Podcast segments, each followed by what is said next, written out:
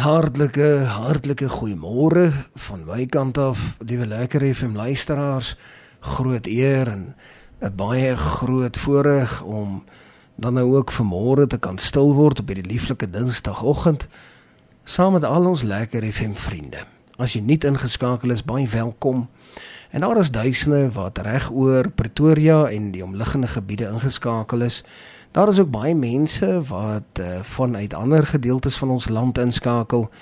Uh oralste in ons land en ook oor see. Baie welkom en mag die Here elkeen seën wat vanmôre die woord van die Here as 'n belangrikheid ag.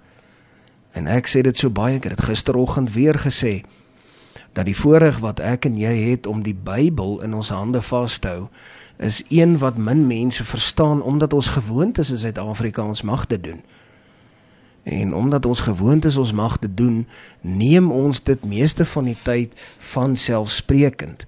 Terwyl ons eintlik veronderstel is om nie naasten by dit selfsprekend te aanvaar nie, want daar is honderde duisende ander mense wat nie die woord van God mag lees nie. Jy geweet daar is mense soos ons praat wat uh, stukkies van die Bybel 'n bladsytjie uit uitskeer en dit fyn opvou en tussen hulle tone wegsteek. Uh, in hulle skoene wegsteek. Jy weet ons ons het die voorreg om die Bybel te kan vat en uit die woord uit te kan lees. Want daarop kan ek net sê haleluja en dankie Here. Want terwyl dit so is en ons dit mag doen, wil ek jou aanbeveel om dit te doen. En ons gaan lees hier uit die tweede boek van Kronieke, die 11ste hoofstuk en dieselfde skrifgedeelte as gister, verse 22 en 23 en ek wil graag vandag klaarmaak en wil ek net so 'n bietjie uh, ek wil amper klarigheid gee en wil ek wil ek uh, dit na die eindpunt toe drywe en wil ek graag afsluit met hierdie gedagte van nalatenskap. En ons het gister so heerlik daaroor gepraat en ek weet dit beteken baie vir ons ouers. En dit is baie belangrik om vanuit die woord uit te leer want die woord is ons padkaart. En wanneer ons hier uit die Ou Testament uit lees, dan gebruik ons dit as voorbeeld. En ons sien hoe die Here, hoe mense wat die Here getrou geag het hoe hulle gehandel het. En ons weet uit die lewe van Salomo dat die Here was nommer 1 prioriteit in Salomo se lewe. En daarom is dit belangrik om dan nou ook in ons lewe nommer 1 prioriteit die Here te maak en geen ander.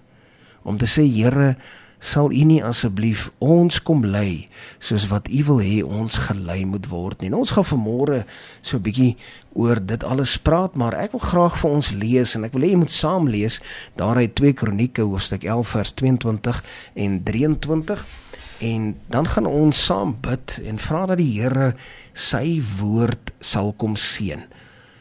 En dan daarna gaan ek 'n paar gedagtes daar na die eindpunt toe dryf. Kom ons lees vanmôre hier vanaf vers 22. En die woord van die Here gaan verder en sê en Rehabim het Abia die seun van Maga as hoof as vors onder sy broers aangestel. Want hy wou hom koning maak. En hy het verstandig gehandel en van al sy seuns versprei in al die streke van Juda en Benjamin en in al die versterkte stede en aan hulle voedsel in oorvloed gegee en 'n menigte vroue vir hulle gevra. Tot sover die woord van die Here. Kom ons sit net so. Dan sluit ons die oë en bid ons saam. Hemelse Vader, dankie vir u woord. Dankie dat u woord getrou is en dat u woord die merk tref ongeag. Daar is duisende ingeskakel vanmôre Here op 98.3 en elkeen het 'n spesifieke woord wat hulle sal ontvang vanmôre. Want dit is 'n lewendige woord. Dis rema woord. Dis nou woord. Dankie vir dit in Jesus naam. Amen. En amen. Liewe lekker FM luisteraars, net so vir 'n vinnige oorsig en ek gaan definitief 'n paar gedagtes verder voer, maar het ek nogal gister die saak hardop hier gelees opmerking wat ek neergepen het en wil ek dit weer vanmôre lees en ek wil dit juis lees as die grondslag vir wat ek oor praat. Nou gaan ek hier en ek skryf dit neer. Ek sê as die wysheid van die Here in jou as ouer se hart is, is die kanse goed dat dit sal oordra na jou kinders. Liewe lekker FM luisteraars, Salomo was 'n man wat die wysheid van God in sy hart gedra het en dit het net so oorgedra na sy seun Rehoboam toe want die woord van die Here sê hier in vers 23 en hy het verstandig gehandel. Hy het verstandig gehandel. Die man wat die meeste verstandig gehandel het op die aarde was 'n man met die naam van Salomo. Hy het ook die die boek van Spreuke geskrywe. Jy gaan later hoor, ek gaan jy's 'n vers uit Spreuke uit lees elke program. As ek hom afeindig, lees ek die wysheid en die verstandigheid van Salomo aan ons voor, want dit behoort aan die Here. Wysheid behoort aan die Here. Die grootste uitkring, die grootste uitkring effek, ripple effek in die lewe bestaan van jou as ouer na jou kinders toe, jou as pa na jou seuns en dogters toe, jou as ma na jou seuns en na jou dogters toe. Wanneer die saak van die Here in hulle harte is, dan het dit by jou begin. En ek sou sê dat dit die moeite werd is om die belegging vandag te maak. Dis die moeite werd om vandag 'n belegging te maak in jou kinders se lewe om daardie verstandigheid oor te dra. Nou ja, ons beleef baie dinge. En daar is baie sake. En ons almal is nie perfek nie. Ek is seker daarvan elkeen wat luister vanmôre ingeskakel is op 98.3 Jy sal vir my dadelik sê, maar wie wat daar is baie dinge wat ek verkeerd doen. Ja, seker sekerlik. Maar daar is ook baie dinge wat jy moet reg doen. Die saak van die Here moet opreg seëvier binne in jou hart. As dit binne in jou hart is, dan sal die verskil uiteindelik daar wees. Want dan dra jy daardie verstandigheid oor na jou kinders toe.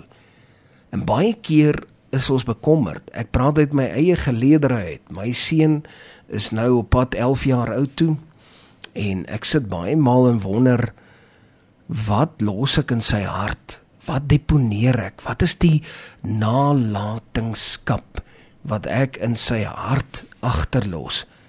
Wat is die uiteindelike saak wat oorbly in sy hart dat hy verstandig kan wees?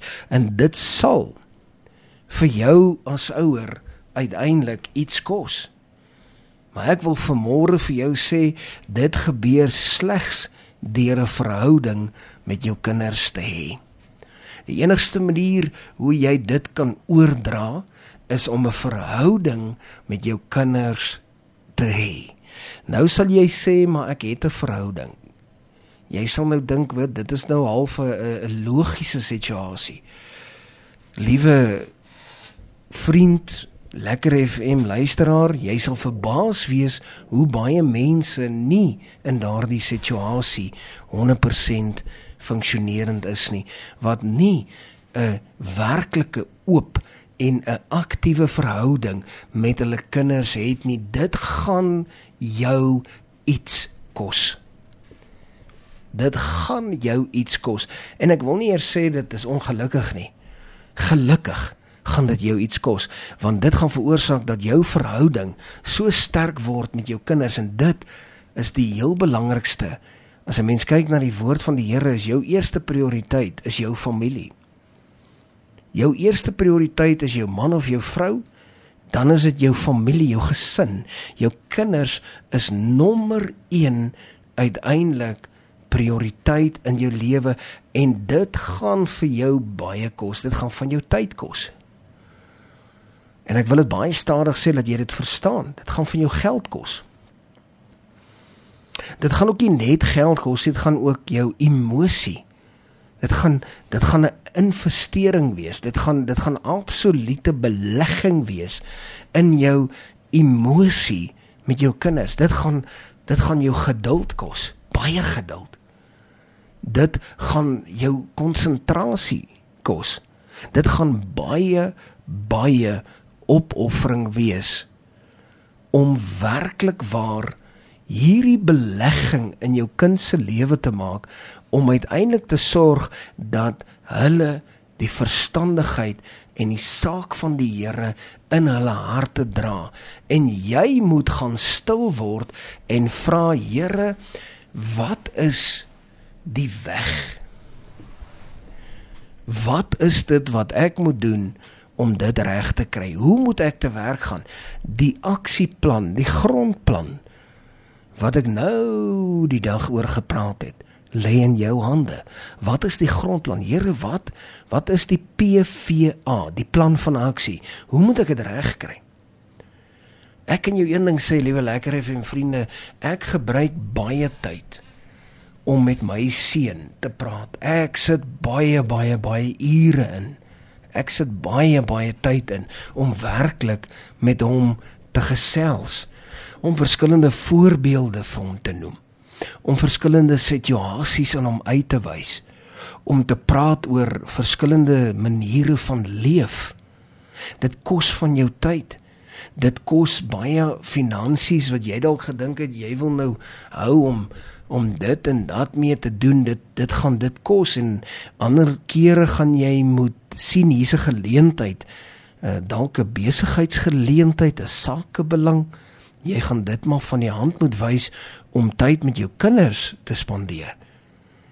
Jou emosie gaan in plek moet wees want jy kan nie net jy kan nie jy moet absoluut jou eie emosie jou geestelike bestaan belê in jou kinders want dis hoe hulle sal sien daar is egtheid en jy gaan baie geduldig moet wees en ek het dit al baie gesê die mooiste ding op dese aarde is geduld die lelikste ding is ongeduld daar is nie 'n leliker ding in hierdie wêreld as ongeduld nie.